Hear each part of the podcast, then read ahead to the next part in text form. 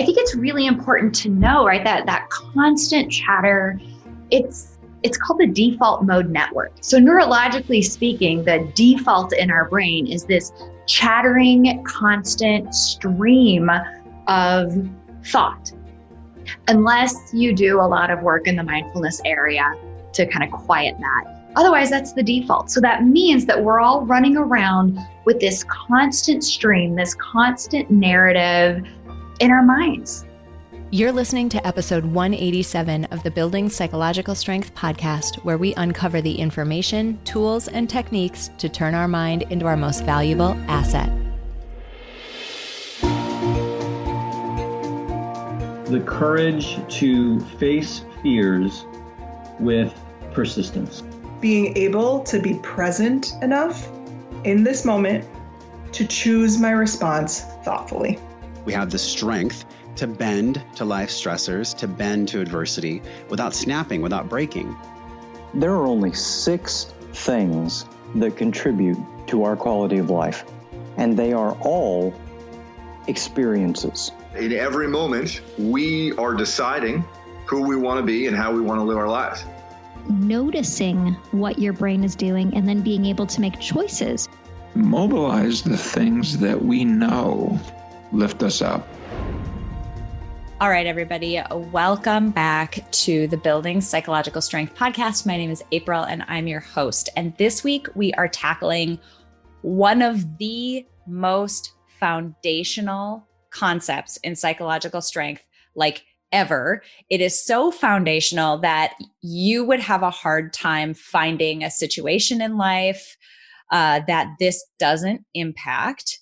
And it's one of those things that gets really misunderstood and can seem sort of opaque and confusing unless you're led through the jungle in the way that I'm hoping we're going to do with this episode. So I'm excited to welcome back Ashley for us to unpack a very awesome topic.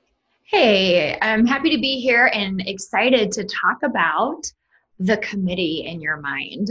It is such an important thing, and I am consistently, I, I shouldn't be surprised anymore, but when I start to talk about these concepts with people, and it's things that, you, I mean, you and I have been studying for a billion years now, and, and it's just such a fundamental part of my worldview and understanding of, you know, life and how how things work that I'm surprised that people that it's new for a lot of people. And I think that's a, a shame because it can be really impactful and really transformative to have this knowledge and to have this understanding. So I'm super excited to talk about this today. I love it. Let's start with three quick example scenarios. So, if you're listening to this, I want you to just imagine, even if you're driving, you can imagine this isn't going to be any kind of guided meditation or anything like that. This is just going to be a few examples that I want you to imagine happen to you. And as you're imagining them, just kind of pay attention to where your mind goes. What assumptions do you make? What thoughts do you have? What feelings do you have? If you were to be in these situations, what would your sort of holistic response be? So, first situation, imagine it is the weekend and you're going along, you're doing your normal weekend mm-hmm. things, and out of the blue, you get a text message from a friend that you haven't spoken to in a long time. And this message says, I can't believe this is happening. We need to talk. I want to gasp right there, right? I know, yeah. right? so if you're listening yeah. to this, just pay attention like where does your mind go? What would you assume? What's the first thing that would come to mind and how would you feel? Okay, second one.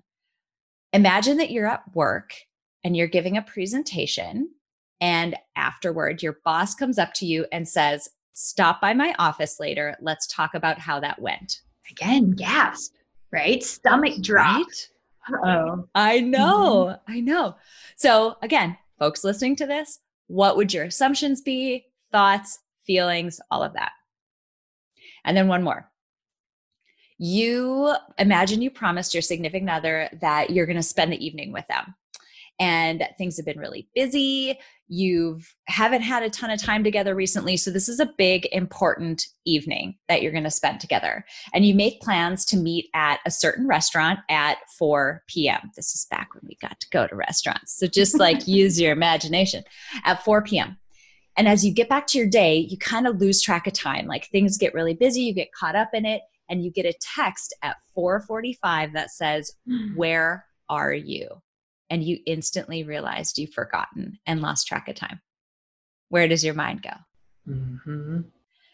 So, these situations, what I want you to pay attention to is, especially in the first two, they're very open ended and they're very uh, translucent as to whether the situation is good or bad or what might have happened. And our minds immediately sort of jump in and they try to fill in gaps and they try to help us predict mm-hmm. and they mm-hmm. try to reason through all these different scenarios to help make sense of an ambiguous situation and that's what we want to talk about today is this chatter that we've all just been exposed to right now that happens in situations like these. But if you're really quiet and you pay attention, it is a near constant experience throughout our lives that we just have this chatter in our mind that is this running inner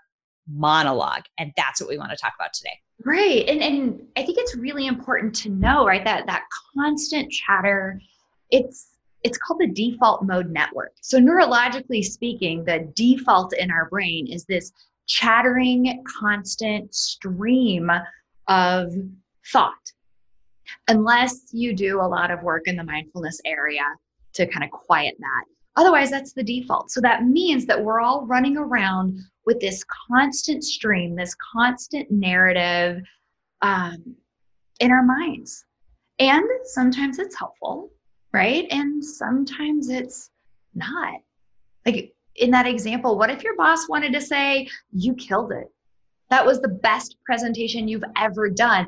But for how many people, how many of you was that your automatic thought? Was that what your mind threw out as the first connect the dots, fill in the blank prediction? I'm guessing not a ton. Mm-hmm. Yeah. Yeah. And so, what we want to do today, Ashley introduced this topic, right? The committee in your mind.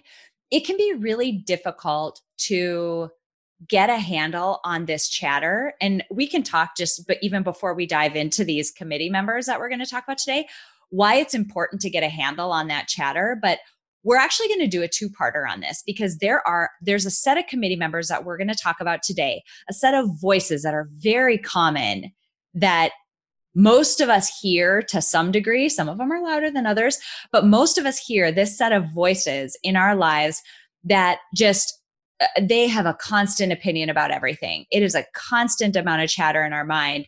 And we want to talk about those today. And then in part two, next week, we're going to talk about a set of committee members that are less vol- less involuntary. They are more under our control. They tend to need to be invited to the table, um, but they're much more deliberate and in a lot of cases, a heck of a lot more helpful for us. So we're going to mm-hmm. focus today on committee members that are typically uninvited. They show up, they give their opinion. It's usually loud. It's not mm-hmm. typically very helpful for us. Uh, and we'll dive into this set of voices that we have named specifically because it helps you recognize them when you hear them in your own mind. It helps you get better at recognizing it and creating some space between those voices and yourself and who you are at your core.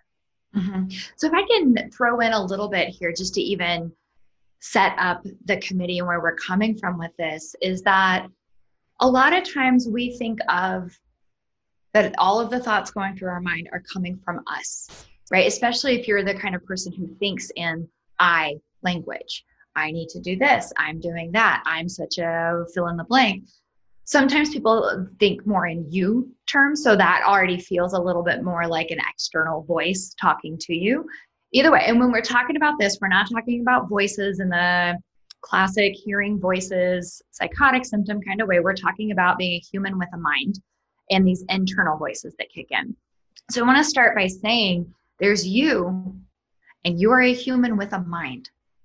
And your mind is the thing that is constantly chattering at you, and being able to recognize that for what it is, which is just that default mode network, just that mental chatter, can be very, very helpful. Mm-hmm. And some people, when they talk about this, you know, if you're into psychology, you may see things like distortions, thinking errors, um, distorted thinking, brain tricks, logical fallacies, a lot of these kinds of things. I like to think of them as glitches and brain tricks. But we also want to be thinking about, you know, what are these voices saying? What is my mind saying to me? And if you notice, there's all kinds of contradictory voices inside. Right? Sometimes it's the, oh, you should get up and go work out, and the no, just play around and watch TV. So that's where April and I came up with this framework of the committee in your mind is I picture, and you can let me know what you think, April, but it's almost like a like a boardroom and there's me and then there's this whole table full of committee members and they just barged in showed up i walked into it and this is what i think i've got right like these are the people who are telling me what to do telling me about situations advising me so to speak on um, what to do and how to feel about things and to your point of the ones we're going to talk about today these are the ones that showed up automatically they were just kind of there. They come from our subconscious, and I, we may have talked about that in other episodes. I can certainly get into it, but suffice it to say, they just show up, as opposed to the ones we're going to talk about next week, which are the ones we have to invite. Say, could you please come? Here's your seat at the table. I need to hear from you too. So, all right. Awesome. So Where let's dive go? in. We'll mm-hmm. start with probably the committee member that most of us are most familiar with. This committee mm-hmm. member is our inner critic. This committee member is punitive.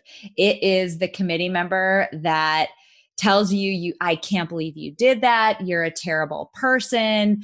If you went uh, into sort of a a negative place in that third scenario where you know you you missed you were late to meet mm-hmm. your significant other you're so stupid i can't believe you did that you just met your inner critic and so many of us have a very loud inner critic right? And and and i think sometimes too the critic can be really harsh like you're talking about. And sometimes i think of it more like the frenemy like the mean girls mm-hmm. of our mm-hmm. mind. That's like mm, you really shouldn't do it that way. You should do it like this. Or oh i mean that was pretty good but you totally missed this little part over here. So it almost sounds like it's trying to be helpful but really it's kind of tearing you down yeah. the outcome there right? Like you don't feel good enough. You feel guilty or insecure or like failure or anxious. And that critic oh it's so it's just vapid. And yeah. oh and sneaky. It gets in there all the time and it's so woven into everything. Totally. And this is a good one to work with because it is so familiar to us mm-hmm. and because it gets talked about so much, like people's inner critic. Mm-hmm. It's a good one to talk about in the sense that the inner critic is not you. That right. is not your voice. You aren't choosing to say those things to yourself. Those are, and as Ashley mentioned, there's a lot of brain glitches and brain tricks and habits, think, mm-hmm. that our mind gets into that the like let's go a little bit brain science and then and dive back into the committee. Yeah. One of the reasons why these things happen is because our mind only has so much capacity to mm-hmm. just process information. Right. So, one of our biggest tools at our disposal, and this is a helpful thing most of the time, is whatever thoughts we're having, whatever like reasoning or decisions or whatever that we have to make on a regular basis, our mind works really hard to figure out what those are and then automate them as much mm-hmm. as possible. Like move them from being something that is very deliberate and takes a lot of energy to do and move it below the surface of the water in our iceberg example that we give all the time. Like get it out of your conscious awareness, make it involuntary and make it easy. And what happens is, and we'll do a whole episode on the pros and cons or the good and bad side of neuroplasticity sometime in the future, because, but this is a little bit hinting at that. Your mind will learn how to automate amazing things, like great things, like helping you get from your house to your job without having to think that hard about it. That's awesome, mm-hmm. right? That's such a great hack. But it will also automate really unhelpful things, like telling yourself you are a stupid jerk if you spill your coffee. Like, right. Big deal. You made a mistake. So, one thing that I love to tell people about the inner critic is that if you listen to its voice, and you ask yourself, would you, you, Ashley, or you, Stacy, or whoever's listening to this, would you ever say something like that using those words in that tone to your best friend or to a small child? Right. If you would never do that, it's not you, it's your inner critic. Mm-hmm. Ugh, hate I know. I know. Well, and then I think too, if we, oh, all right, because you know I love the brain science piece, but we have a negativity bias. Right? Mm-hmm. We are more likely to see the negative stuff. Our minds are natural problem solvers. That's what they do. I have a problem, solve it. So when you put those two things together, then you've got this little part of your mind that's always looking for what's wrong, what's bad, what could be better. And when you throw that in, then it, it, it can become the filter through which we're, we're judging ourselves. And that critic never is satisfied. The no. critic never says, Good job. Yeah. It never says, You got this. That was great. So the critic is just there to well, criticize. Yeah. Mm-hmm. I'm going to hit, I love that you hit negativity bias because there mm-hmm. are three committee members that we can yeah. throw in here that really they bound, they think about this as like these committee members not only do they all kind of coexist in there but they can gang up on you in certain mm-hmm. circumstances and sort of like play off of each other. So the three I'm going to bring up are the persecutor, the Debbie Downer, and the judge.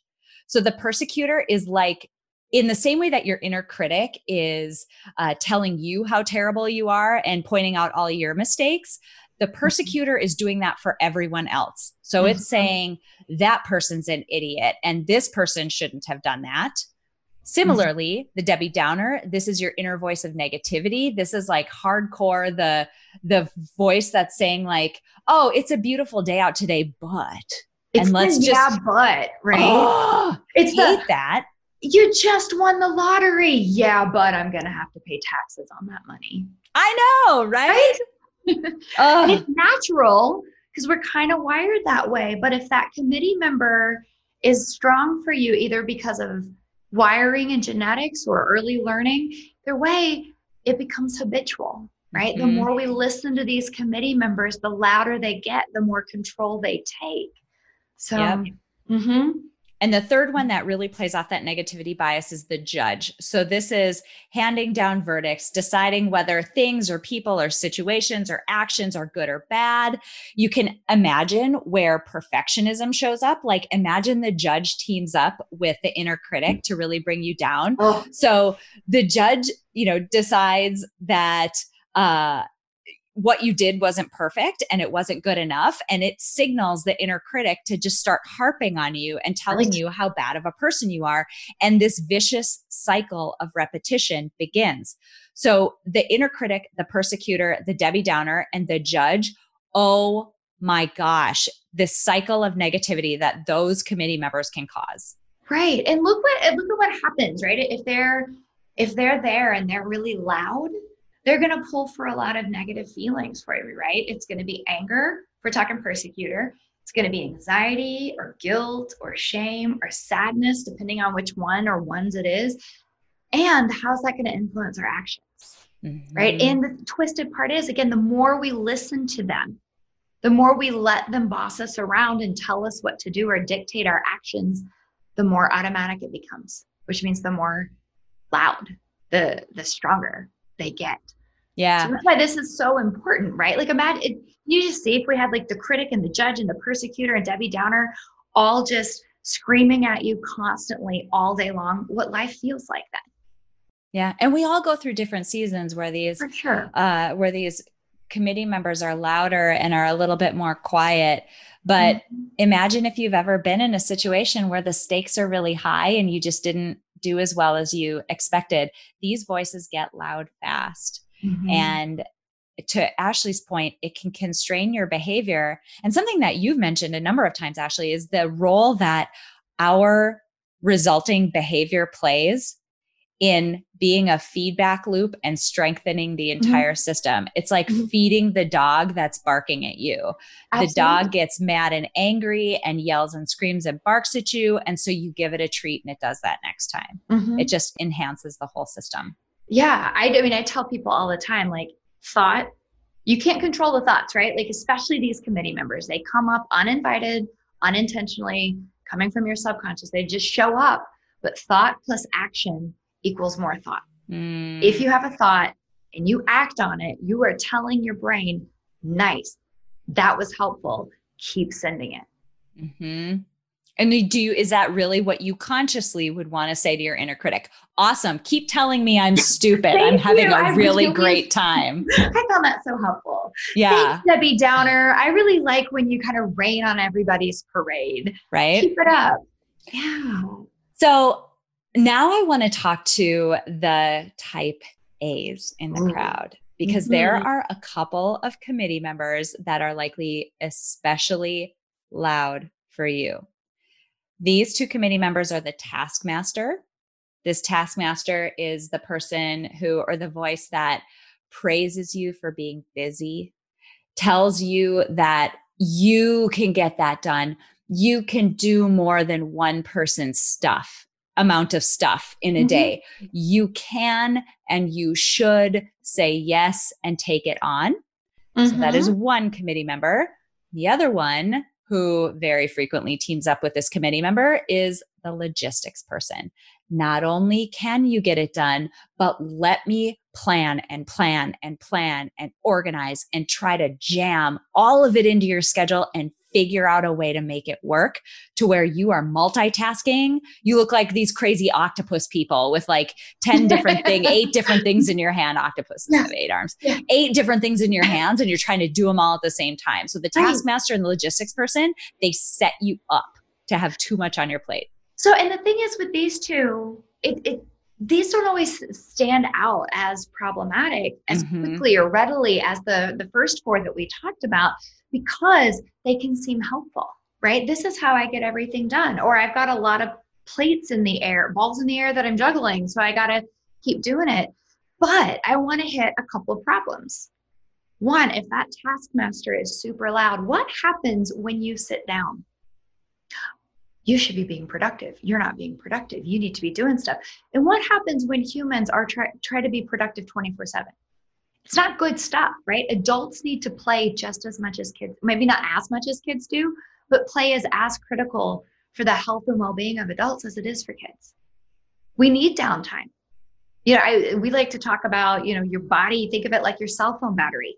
It has to recharge at some point. You have to recharge at some point and that's when that taskmaster crosses into no thank you territory is when it's like you shouldn't be sitting down you can't take a breather you've got 98,000 things to do Mm-hmm. and the logistics person again helpful if you need to plan and organize if you've got a lot going on that can be a really great skill when it's constant though you get this cognitive load this mental load, the never ending running to do list, planning, predicting, planning, organizing, solving. And that also takes you out of the moment. Like, what happens when you're trying to play with your kids, but the logistics person's in charge? Mm-hmm. Yeah. I really resonate with these two. You and I have had a number of conversations about this. I have a very loud taskmaster. I have a Mhm. very loud logistics person. And the reason why we named all of these, right? These are not like evidence based psychological concepts we're talking about here. We're talking about anthropomorphizing or like turning into like a human uh, Yeah. being things that are not human. But we do it because it becomes a lot easier. For example, when you have a busy day and you desperately, you know, you need to work out, you know, you need to work out, you would feel so much better.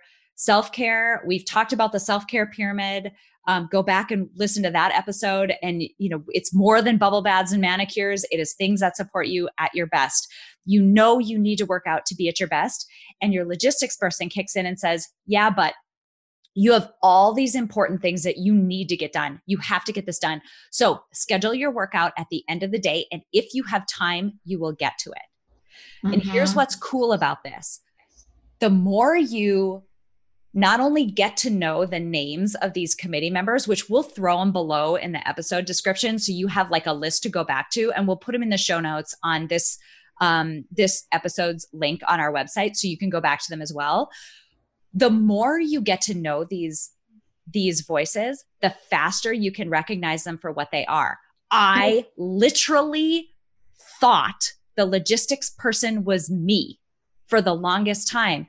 And recently, even mm-hmm. within the last few weeks, I started, uh, and we'll get into this toward the end of the episode, but I started running experiments against the logistics person.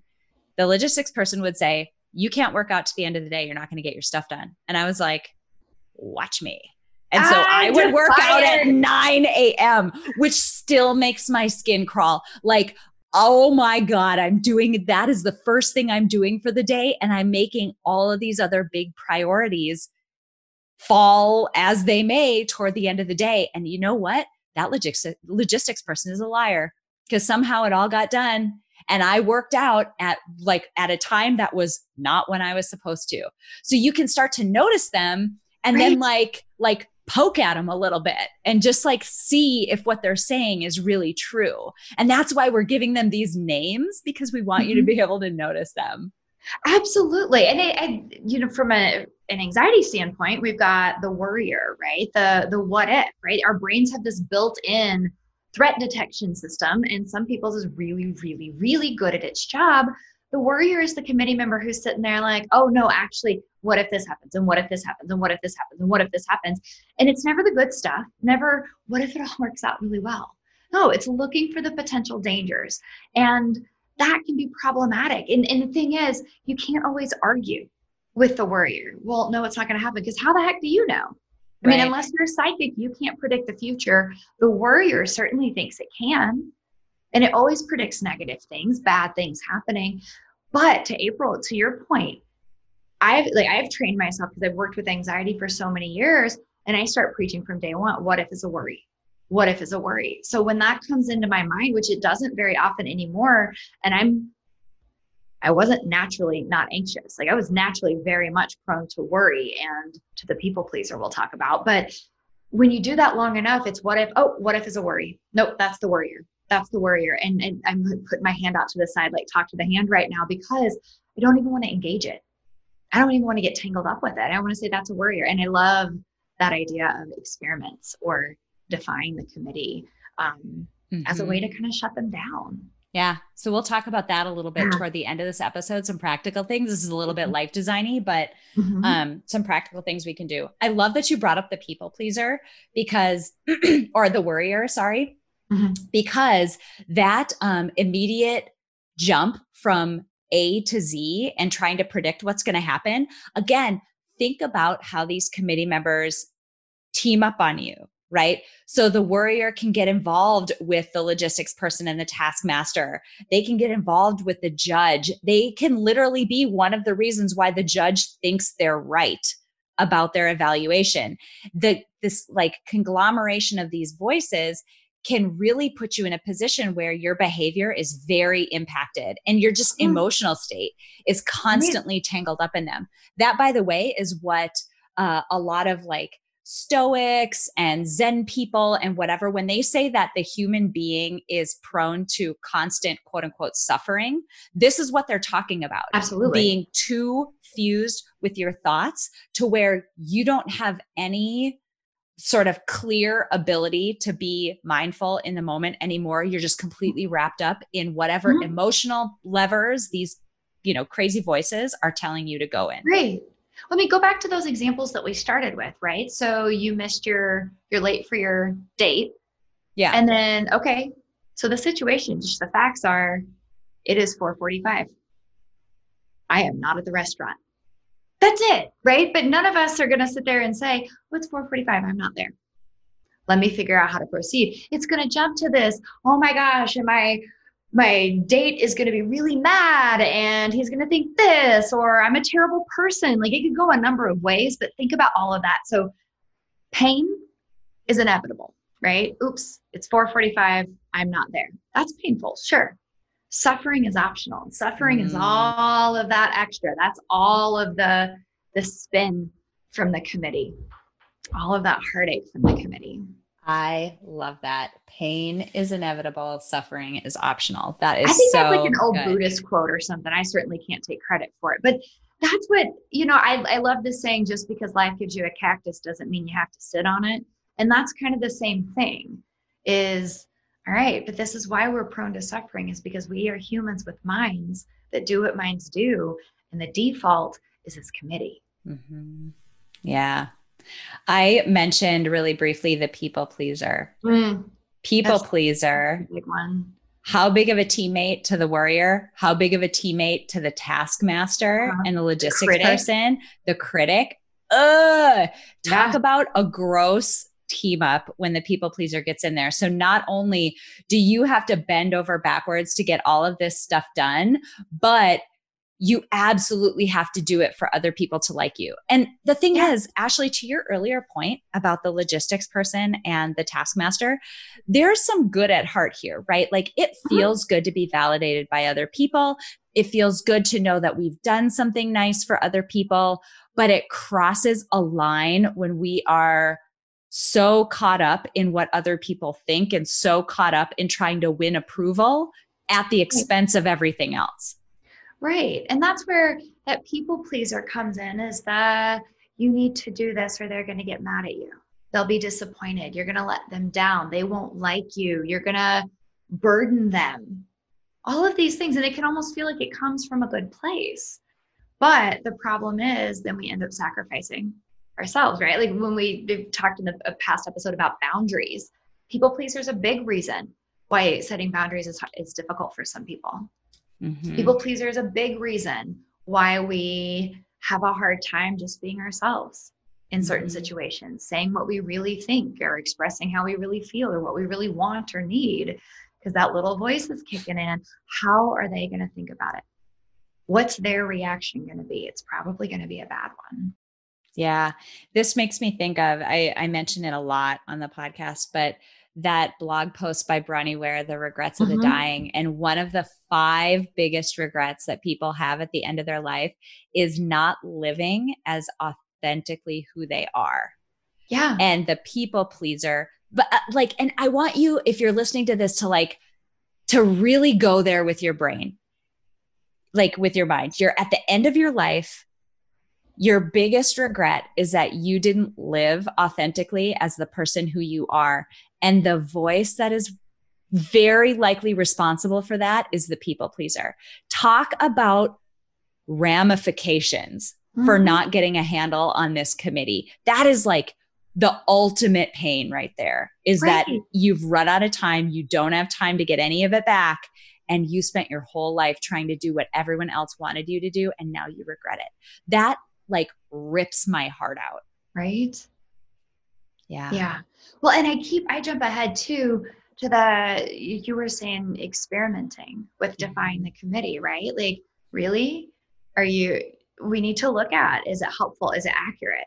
Are most people kind of assume if they're thinking it, there must be a reason for it, right? These thoughts are meaningful. They're either accurate, factually true, or they're helpful in some way. And that's frankly just not the, the case. It's just a mental habit just a mental habit. It's like a mental hiccup in a lot of cases that then we keep feeding and they come back. Yeah. Yeah. Yeah. Forgot where I was going with that. oh, the, the so to experiment with it, right? The people pleasing one, that's a good place to experiment. And I can say this as, you know, as a teen and young adult, I was very socially anxious. That means I was really anxious in social situations and very afraid of judgment my people pleaser was very, very loud. It's not anymore. But I've also done a lot of these experiments where you kind of test it out. this person's going to get mad if I say no. Let me say no and see what happens. If I do something weird, people aren't going to like me. Well, let me do something weird and see what happens. And there are a couple really great TED Talks that illustrate that that we can link up on the show notes too. Um, that if you're interested in this or your people pleaser is very loud and you want to start to shift that, they'll be really great resources for you. I love it. So, two more committee members. And again, these guys go together the martyr and the victim. Mm. Oh, man. And as, uh, as a mom, I can say these two are also very loud. They were not loud until I had kids and they got mm-hmm. loud. And so there I've had to do a lot of work identifying when the martyr is showing up, identifying when the victim is showing up, and mm-hmm. again disobeying and moving mm-hmm. against the grain. But the martyr, this is the committee member who you know, it kicks in and reminds you how disappointed everybody's going to be if you don't follow through, how guilty you're going to feel if you say no, and it puts the weight of the world on you and tells you that it, that things are going to fall apart if you don't do that. That's that's the piece that I always think of like with the martyr, right? If it's the I'm the only one who can do this or I have to do this. And unfortunately, it does seem like that falls on moms a lot. Mm-hmm. So there's something about that being in that situation or that circumstance where you are responsible for so many people that then that martyr just shows right on up and then takes it too far. Mm-hmm. And we're not saying don't care, right? Or when we talk about experimenting or de- defying the committee, it's not saying I'm washing my hands of these little people I gave birth to or there are some days, raising. uh, yeah, you can want to do that. That's totally fine. But it is looking at okay, the martyr leads to overfunctioning. Yeah. Right. And what's the cost of overfunctioning? Is is your health, happiness, and well-being.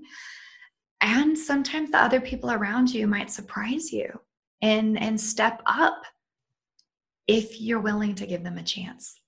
And yeah. Martyr won't. Martyr yeah. says, "Oh, you." I have a theory on this around motherhood in like in particular, mm-hmm. and let's put some context around this. I have very young kids. So I have a four and a half year old and I have a two year old. So if you are a parent of teens, you may not resonate with this, but this is one of the, the thought experiments I've had. We know psychologically that, and we mentioned it in this episode already, we're really good at developing involuntary habits. Mm-hmm. That's the only way we get through the day. I mean, imagine if you had to work really hard to think about what you were supposed to do next when you take a shower. Nine times out of 10, you follow the same path when you take a shower. It's very involuntary. And it actually feels weird to do things differently. And that's where this gets important. At the beginning, when you have a baby in the United States, typically the woman who had the baby, and here we're going to be talking about heterosexual couples, uh, having kids, um, not through adoption. And I don't know what the like leave policies are for adoption. I feel like some companies do it similarly. I think so. Um, but maternity leave, I think, sets up a lot of women to develop a strong martyr because in the beginning, you're the one who's there the whole time. So think about what That's your mind does. It's mm-hmm. really good at the baby cries, it's me. The baby cries, it's me. The baby cries, it's me. The thing needs to be done, it's me. I like hungry me, dirty me, like because it is in the beginning.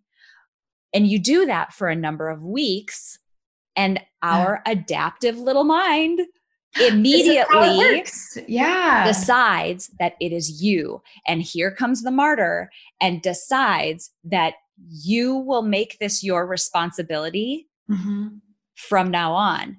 Now, I have another theory about this. My youngest child just turned two.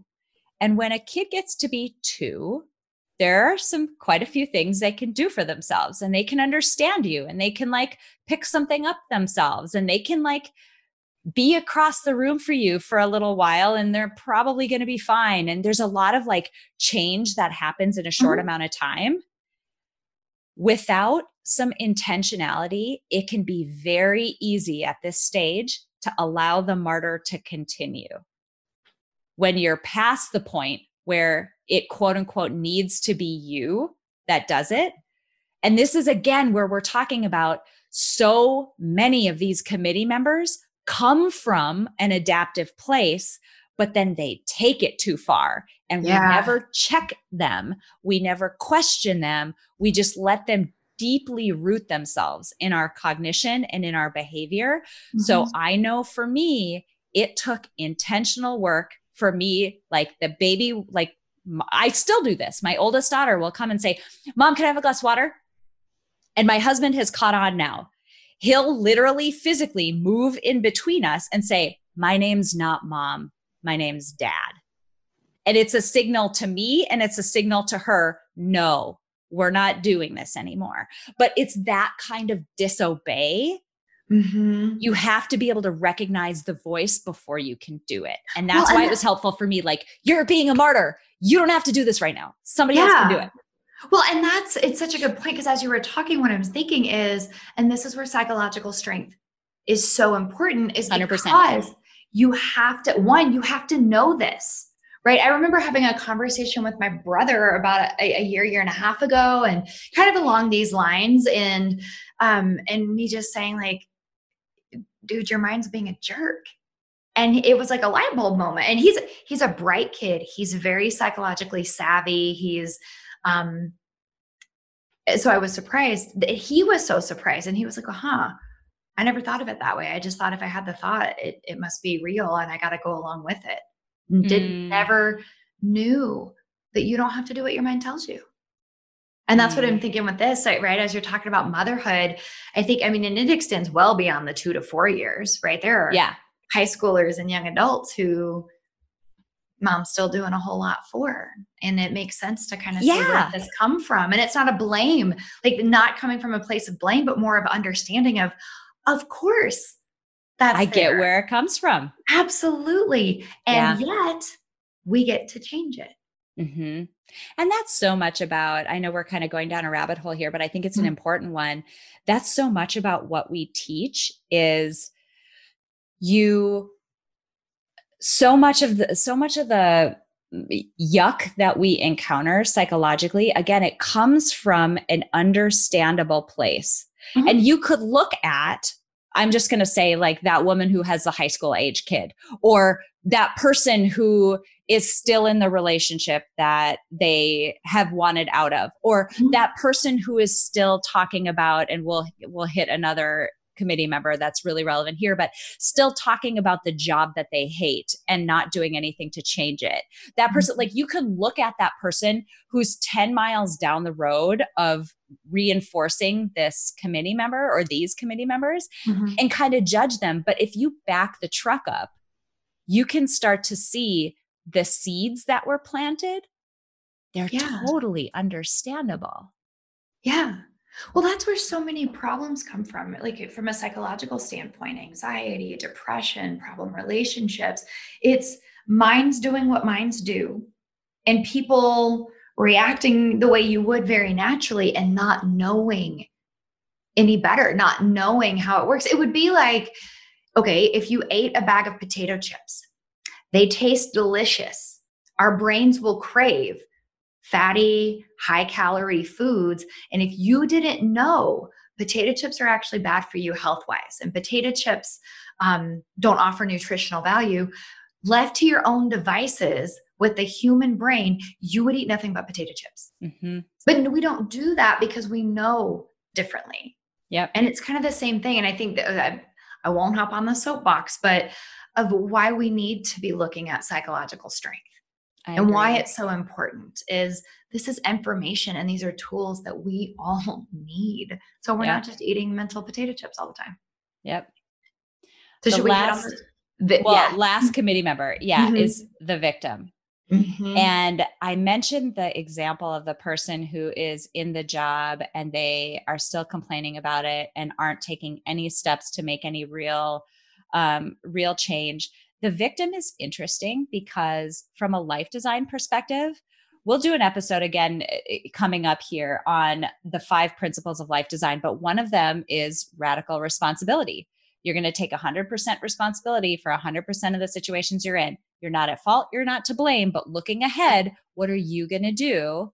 What's your next step going to be? And Mm-hmm. that's where life design starts is okay, I've decided I'm going to take responsibility for this. What is my next step? And the victim gets loud. The victim gets loud and convinces you you don't have any control. It's something outside of you. There's nothing you can do. It's okay. Poor you. And man, does that feel good in situations where we know there's an action we can take that's actually really difficult to take. Right. We're looking for someone to tell us it's okay. You don't have to take it. And man, that victim will be first in line to tell you. Absolutely. You can't do it Mhm. because. And what's the effect? You get stuck. you make no progress. No progress. You get stuck in misery and you feel powerless. Mm-hmm. Yeah. So it's Yeah. not helping you out. None of these committee members really, if I I think most of them, if left to their own devices, are going to end up crossing into that unhelpful territory. Oh, There's going to be effects. And um, I don't want to necessarily say like they're bad because I also think they're just natural, but let's look at it. They're not helpful. Mhm. And if it's not helpful, you don't have to listen to it. You Mhm. don't have to act on it. That's what we've been talking kind of all throughout about defy the committee members. That's how I mean, think of it like standing up to a bully almost. This is how I teach kids when it comes to the worrier of, all right, well, that's the brain bully. You got to boss it back. And sometimes we're going to do it with our words. No, thank you, or that's not helpful. And sometimes you're going to let it just chatter at you or yell yell at you as you do your own thing. Mhm. And that's how you show it. Oh, you're not in charge anymore. Mhm. And that's important to know too, because a lot of people think I have to get rid of these thoughts. I have to silence these voices or remove them from the committee. And that's generally not possible. Thoughts are there and there's no delete button in our mind. So those thoughts may always be there. Now we can quiet them. And this defying them is one tool for doing that. We talk a whole about a lot more of the details and, and how to really quiet or weaken these committee members in our Ascend program. So if you're interested, by all means, check that out. But know that just because you're having a thought doesn't mean you have to act on it. Mhm. And I guarantee you, you've got examples from your own life that you can draw from this. Like, how many times have you sat in a meeting and thought, oh, this is stupid. I just want to leave. And yet you sat there and diligently took notes. Mhm. Or you had the thought, I don't want to go to work today. And yet you got out of bed and did it. We, we do it all the time. We're just Yeah. talking about getting really intentional about it. Yeah. I want to run through the names of these uh, committee members one more Yeah. time, and then we can talk a little bit about experimentation and Mhm. defiance before we close out this episode. So, committee members are the inner critic, the persecutor, the Debbie Downer, the judge, the taskmaster, the logistics person, the martyr, the victim, the people pleaser, and the worrier. So, we, like I said, I'll put a list of these in the show notes and on the episode description. So if you're looking on, for example, iTunes, you should be able to just swipe up and be able to see this list of uh, committee members. We want you to get really good at recognizing them in your day to day life. Just pay attention to times where you're feeling like anything but calm and confident and happy and whatever, any sort of like ugh, emotions typically one or more of them is squawking in your ear. Get really good at recognizing them and then figure out, and this is where the experimentation piece comes in. I'm not asking you to do anything like hugely major, but what I'm asking you to think about is what is the smallest action you could take in order to test if what they're saying actually holds water is actually factual. Imagine like you're you're walking out onto a ledge and you know what? I think they have one in vegas where it's this ledge that's super high up but it's glass and you have to walk out onto this clear glass. Most people wouldn't like charge out onto the glass. They'll sort of like poke their toe at it first and make sure that it's it's a hold. sound that's what i'm talking about Yeah. i'm talking about an experiment the size of sort of poking at the ledge to make sure that it's it's sound before you start adding to it and doing bigger and bigger experiments. So my logistics person that I'm experimenting with right now, I've run a number of experiments on this logistics person. I didn't just upheaval my day from the beginning. Like that's typically too big, too scary, unlikely to be successful. But in the beginning, figure out what the smallest action you can take is in defiance of that committee member and try that and yeah. see if the world collapses around you. I bet it won't. Right. But just see well, what and, happens. And I, I use the example uh, in my practice of, all right, you know what? Let's say I was on the gym. I was on the gymnastics team when I was in high school, and I was on the varsity team as a freshman. True story. And if I told you I could still do a standing double backflip in fact, I can do it in my office. If I move some furniture out of the way, I can do it in my office as long as I'm not wearing heels. Do you believe me? And most people, if they're being honest, oh, go ahead. Do you believe me, April? I mean, I don't know. You said it really confidently. So I feel like I'm like, right? do it right now. I want to see. oh, so you jump ahead, right? Like to that. Cause usually people say, like, eh, I don't know, you're kind of old to do gymnastics. And I'm like, well, I've been practicing 20 years. And I'm like, well, it's kind of small in here. And I say, oh, you know, I just took up an itty bitty ball. Are you convinced? And generally they'll say, like you did, uh, not really. Yeah. What would, what would it take? Right? I'd have to prove it. You'd have to see it. Yeah. And that's how I see dealing with the committee is you can try to argue with them and they're going to have a response back most of the time. So ultimately we say, oh yeah, prove it. Mm-hmm. And so if it helps to think of it that way instead of experiments, do it, right? The prove it. Mm-hmm. And another way to get sassy or defiant, because not all of the committee members really lend themselves quite as well to this experimentation or to this um, proving it but you can still defy them. Like let's take the persecutor who says well that that person's an idiot because they did it a different way. All right well could you defy the persecutor and instead of yelling or insulting that person could you go with the flow? Could you do it their way? Could you be kind to them instead of mean? So some of it is you can think of it as doing the opposite.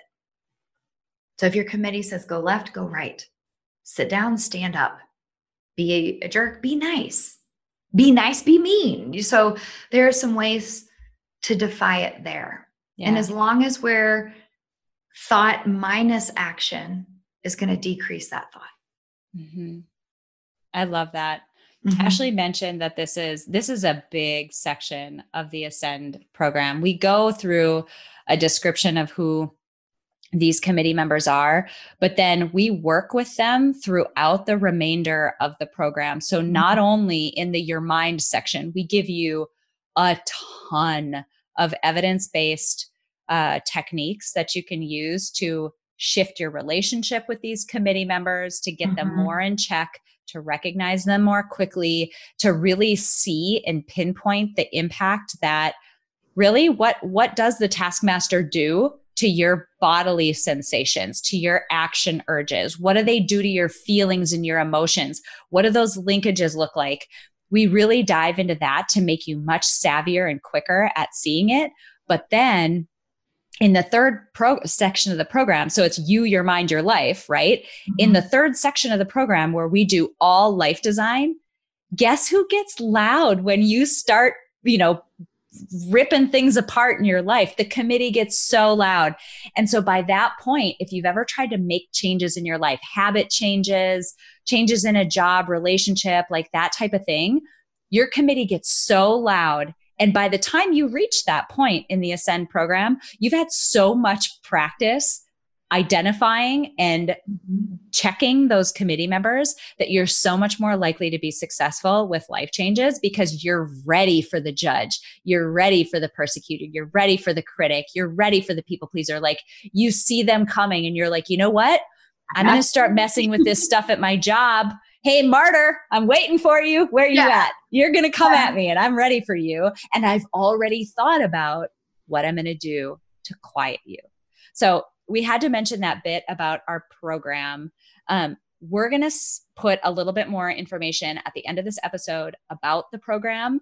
Uh, we also, before we go, what I want you to just remember next week, we're going to release part two of this series.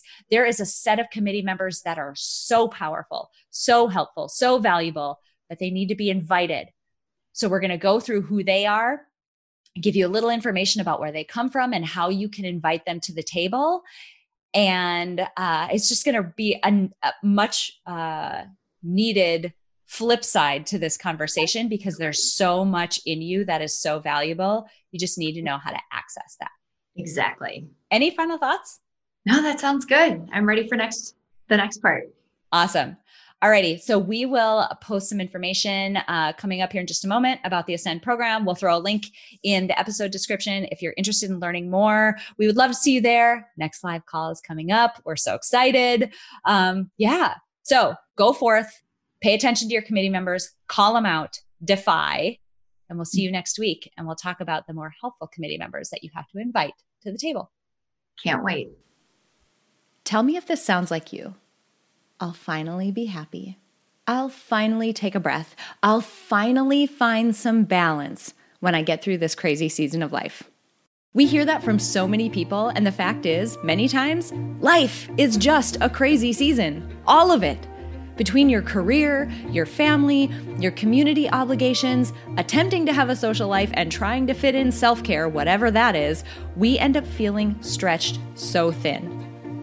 Now, I want to challenge you to think about things differently.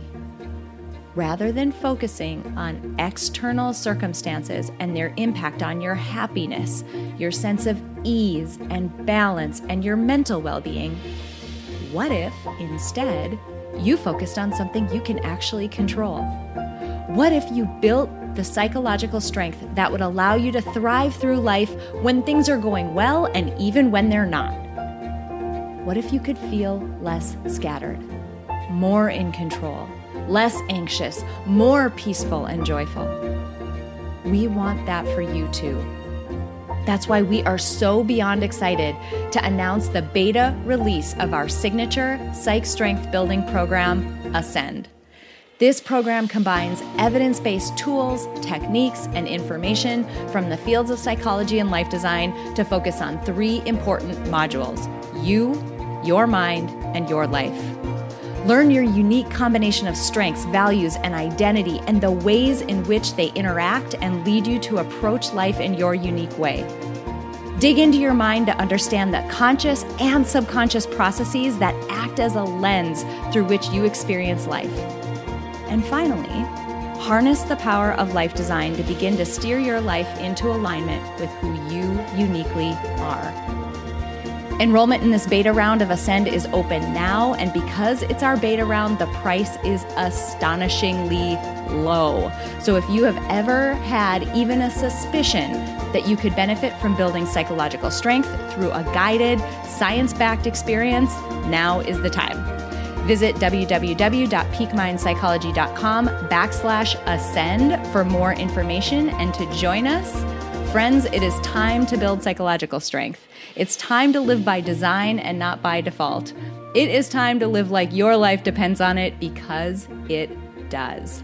Join us in Ascend by visiting www.peakmindpsychology.com backslash ascend. That's www.peakmindpsychology.com backslash ascend.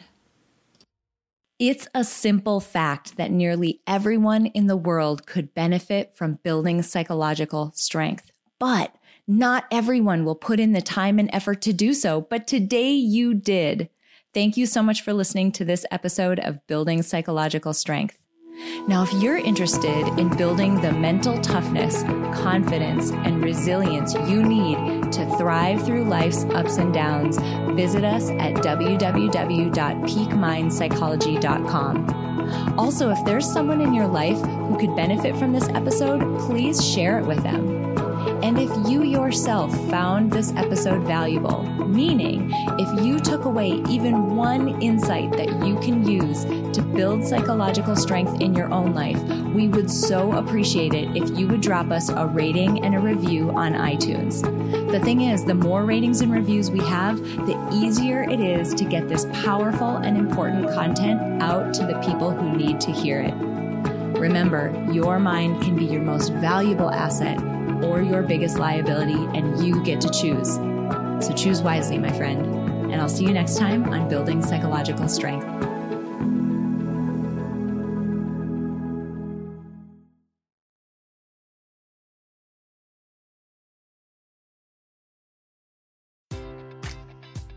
Enjoy all your favorite sports like never before at BetMGM. Sign up using code CHAMPION and receive up to $1,500 back in bonus bets if you don't win your first bet. When you register with BetMGM, you'll get instant access to a variety of parlay selection features, live betting options, and the best daily promotions in the business. And with BetMGM at your fingertips, every play and every game matters more than ever. Remember to use code CHAMPION and receive up to $1,500 back in bonus bets if you don't win your first bet. Place your money line, prop, or parlay bets with the king of sportsbooks today. BetMGM and GameSense remind you to play responsibly. See BetMGM.com for terms. 21 plus only. Virginia only. New customer offer. Subject to eligibility requirements. Rewards are non withdrawable bonus bets that expire in seven days. Gambling problem? Call 1 800 Gambler. Promotion. Promotional offer not available in Washington, D.C.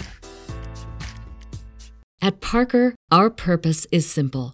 We want to make the world a better place by working more efficiently, by using more sustainable practices, by developing better technologies. We keep moving forward. With each new idea, innovation, and partnership, we're one step closer to fulfilling our purpose every single day. To find out more, visit parker.com/purpose. Parker, engineering your success.